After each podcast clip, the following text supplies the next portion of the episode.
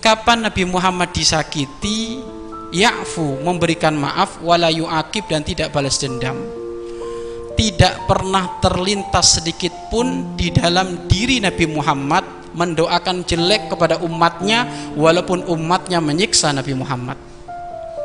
Kejadian yang menjadi sejarah yang bertuliskan tinta darah Nabi Muhammad Wasallam tatkala Nabi Muhammad berdakwah di kota Taif.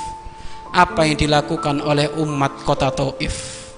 Bukan menyambut Rasulullah dengan lapang dada bukan menyambut Rasulullah dengan kebahagiaan akan tapi menyambut Rasulullah dengan lemparan batu menyambut Rasulullah dengan lemparan sandal menyambut Rasulullah dengan urakan-urakan murahan akan tetapi apa yang saat itu dibalaskan oleh Rasulullah kepada mereka kecuali ungkapan doa yang indah Allah mahdi qaumi fa innahum la ya'lamun. Ya Allah mereka memukul aku mereka melempar batu aku mereka ngeci aku mereka melakukan itu karena belum tahu aku. Subhanallah